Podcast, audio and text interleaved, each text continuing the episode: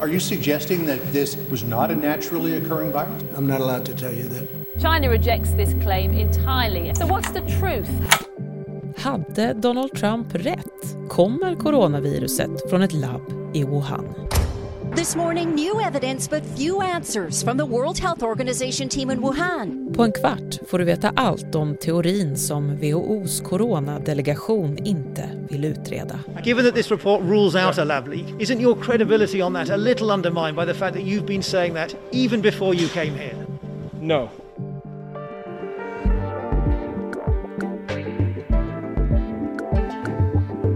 Det är måndag den 29 mars. Jag heter Karin Bülow Orje och det här är dagens story från Svenska Dagbladet. Gunilla von Hall är vår korrespondent i Genève och hon granskar just nu den så kallade labbteorin. Gunilla, WHO-rapporten om hur coronaviruset blev till skulle ha kommit för förra veckan, förra veckan och nu är beskedet den här veckan. Varför dröjer det? Jag tror att de är ganska bekymrade och trängda över att många kommer att ifrågasätta den, om den är överhuvudtaget oberoende eftersom Kina har så stort inflytande i den här gruppen. Och då tror jag att de är eh, helt enkelt lite nervösa. Vad är det de ska kunna komma ut med för resultat som ska kunna anses vara trovärdigt? Och eh, framförallt gentemot alla forskare som, som säger att den här gruppen, den är inte oberoende, den är inte neutral, den är inte saklig. Det har ju rapporterats om att kinesiska myndigheter då undanhållit och till och med vägrat dela med sig av viss information, till exempel rådata. Berätta. Ja, de har inte fått alla data de har bett om. De har inte fått data om de första sjukdomsfallen, utan de har hållits lite grann på arms avstånd. Men på något sätt så är det, det var det enda acceptabla sättet de skulle kunna komma in på. Men det är klart att de, de har inte fått det de skulle behöva få för att kunna dra tillräckligt säkra slutsatser.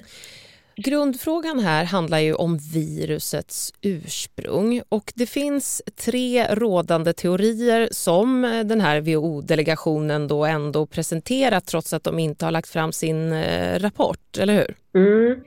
Och det ena är att det kommer från djurriket eh, och det kommer eh, från fladdermöss.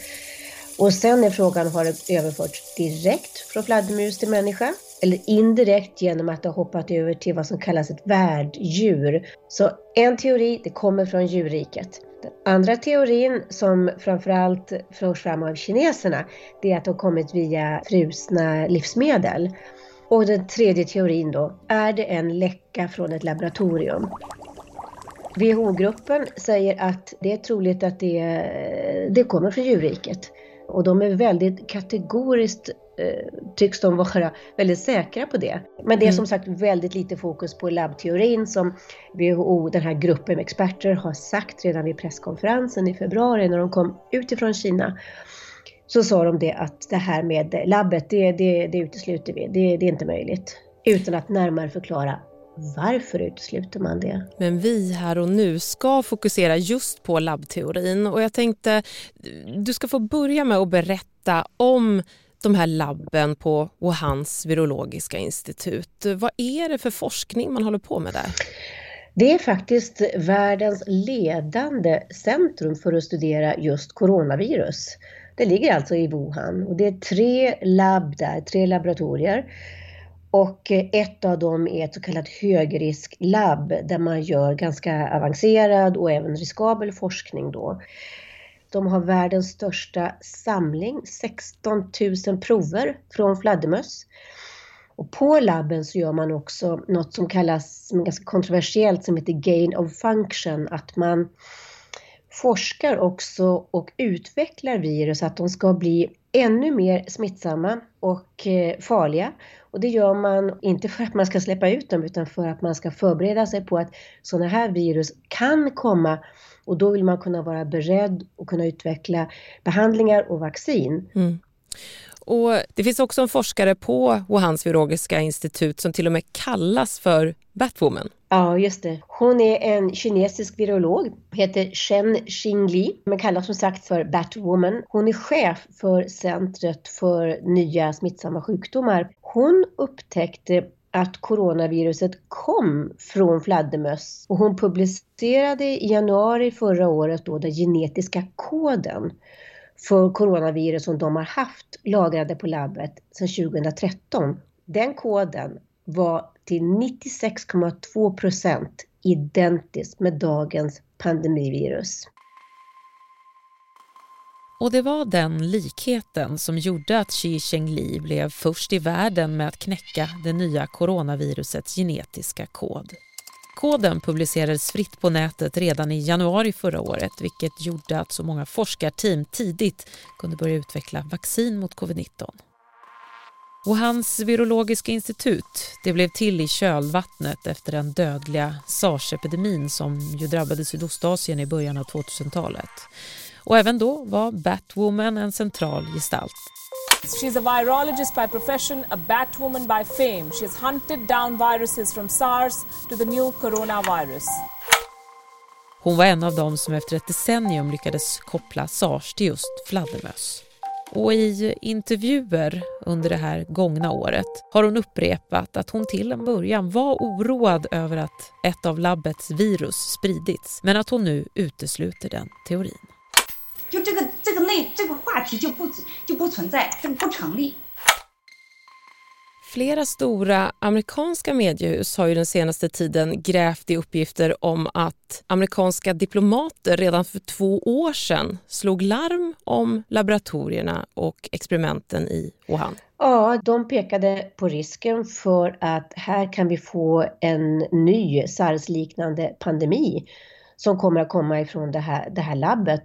Och amerikanska försvarsstaben de svarar då att ja, vi är intresserade av det här, det här låter oroväckande men, men det finns inga bevis och eh, vi släpper det. De amerikanska diplomaternas varningar för tre år sedan, de ignorerades. Men de pekade alltså specifikt ut risken med att forskningen på fladdermöss i Wuhan skulle kunna orsaka en pandemi. Ja, det var det de skickade som varning för att de menade att det kan läcka ut. Det är ändå ett luftburet virus.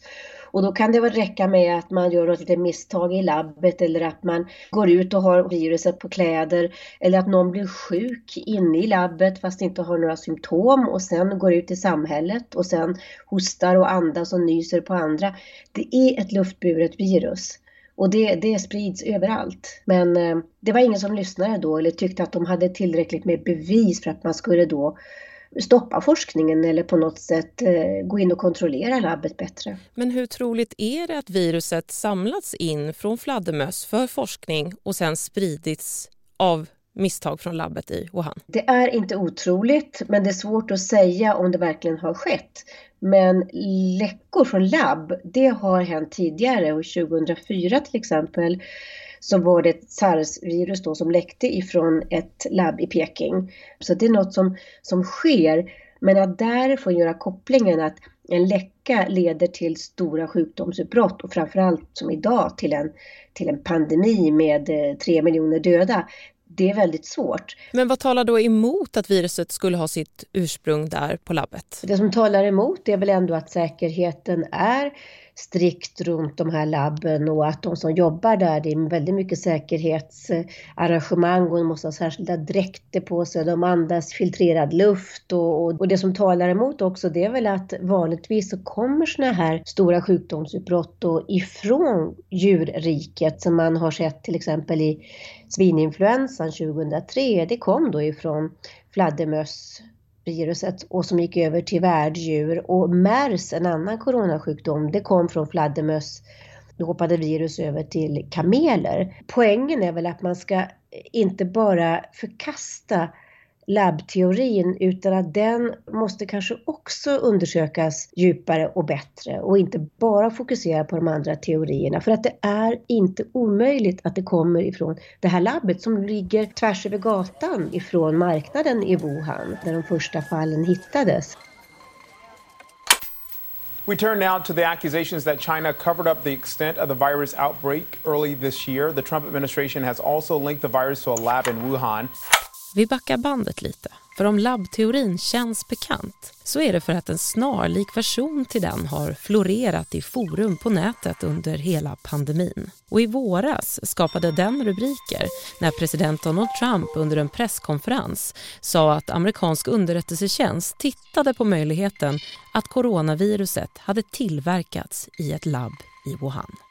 You had the theory from the lab, you had the theory from the bats. There's a lot of theories. And, and what gives you a high degree of confidence that this originated from the Wuhan Institute of Virology? I'm not allowed to tell you that. Då var det ju många som såg det som att det här är en konspirationsteori som sen började växa åt alla håll. Därför att Trump sa att visst, det här har läckt från labben, men jag kan inga bevis. Jag kan inte berätta om några bevis. Det var obekräftat. Och då sågs det som en Trump-talk liksom. Och idén blev helt enkelt politiskt förgiftad kan man säga. Det blev för och emot Trump. Och sen nu när vi har Biden så har väl det förändrats något för flera av hans nära rådgivare har ändå sagt att vi vill veta mer om, om vad som har hänt med det här labbet och vi vill kunna ha förklaringar till varför man bara kan, kan säga att det här är, det är omöjligt. Men, men har labbteorin dödförklarats på tunna grunder? Ja, det måste man faktiskt säga att den har. Faktum är att WHO-chefen Tedros han gick ut ett par dagar efter att experterna hade sagt att labbteorin inte är aktuell och sa I wish to confirm that all hypotheses remain open and require further analysis and studies. Och då hade förmodligen då kritik riktats mot att experterna var så kategoriska. Det handlar också om WHOs trovärdighet här. Att de framstår som sakliga och neutrala och inte blir något slags verktyg för Kinas intressen och för att den här utredningen ska bli en slags whitewash som man säger då. Och, och liksom friskriva Kina från allt ansvar. Men då har vi ju WHO-chefen å ena sidan som säger det här att alla teorier ligger på bordet men delegationen sa ju motsatsen, man avfärdade den här labbteorin. Tror du att man kommer att utreda labbet mer? Jag tror realistiskt att eh, debatten, diskussionerna, kritiken kommer att fortsätta men vi kanske inte kommer att få veta så mycket mer om labbet. I väntan på att WHO-delegationens rapport slutligen släpps så har en grupp med 30-tal välrenommerade forskare från flera internationella prestigeuniversitet gått ihop och skrivit ett öppet brev där man kräver en helt ny undersökning av coronavirusets ursprung. Having China investigate an accidental lab leak from one of its own labs, it's like having the mafia co-investigate a job in a local pizza parlor. It just doesn't make sense. Det här är en stark påtryckning. Det här brevet kommer vi att höra mer om och det är allt fler forskare som ansluter sig till den här gruppen som kräver alltså en, en saklig, oberoende, neutral utredning om coronaviruset. De pekar på de här svagheterna att Kina har ett så stort inflytande i gruppen och de har samtidigt egen intresse av att dölja att det eventuellt kommer från Kina. De pekar på att gruppen består av forskare som har intressekonflikter. De menar att det finns många svagheter i den grupp som finns idag och Världshälsoorganisationen borde se till att man får ihop en oberoende utredning och grupp. Chansen att det skulle gå igenom är nog ganska små, tyvärr. Varför är det då viktigt att kartlägga virusets ursprung? Det är jätteviktigt att veta. Vi, vi befinner oss i den värsta pandemin i modern tid. Och det är jätteviktigt att veta varifrån kom allt detta? Och hur ska vi kunna agera nästa gång? Hur ska vi vara beredda? Hur ska vi behandla människor? Ska vi kunna ha vaccin? Men kommer vi någonsin få veta hur det nya coronaviruset uppstod? Inte med säkerhet, tror jag, tyvärr. Men det kanske ändå inte är helt hopplöst det som experterna kommer fram till för att teorin att det kommer från marknader eller teorin att det kommer från fryst mat eller från labbet det kanske ändå kan göra att man är mer uppmärksam i framtiden på att vi måste reglera det här bättre. Vi måste se till att, att marknader för vilda djur i Asien eller var de nu är, att de regleras bättre och hygienen är bättre. Vi måste se till att vi, vi vet hur fryst mat hanteras. Vi måste kanske hålla mer ögon och ha bättre kontroller på sådana här viruslabb som finns runt om i världen. Så att i vilket fall tror jag att världens medvetenhet har höjts till en nivå som kommer att göra att vi kanske ändå kan minska risken för framtida pandemier. Tack Gunilla von Hall för att du var med i dagens story.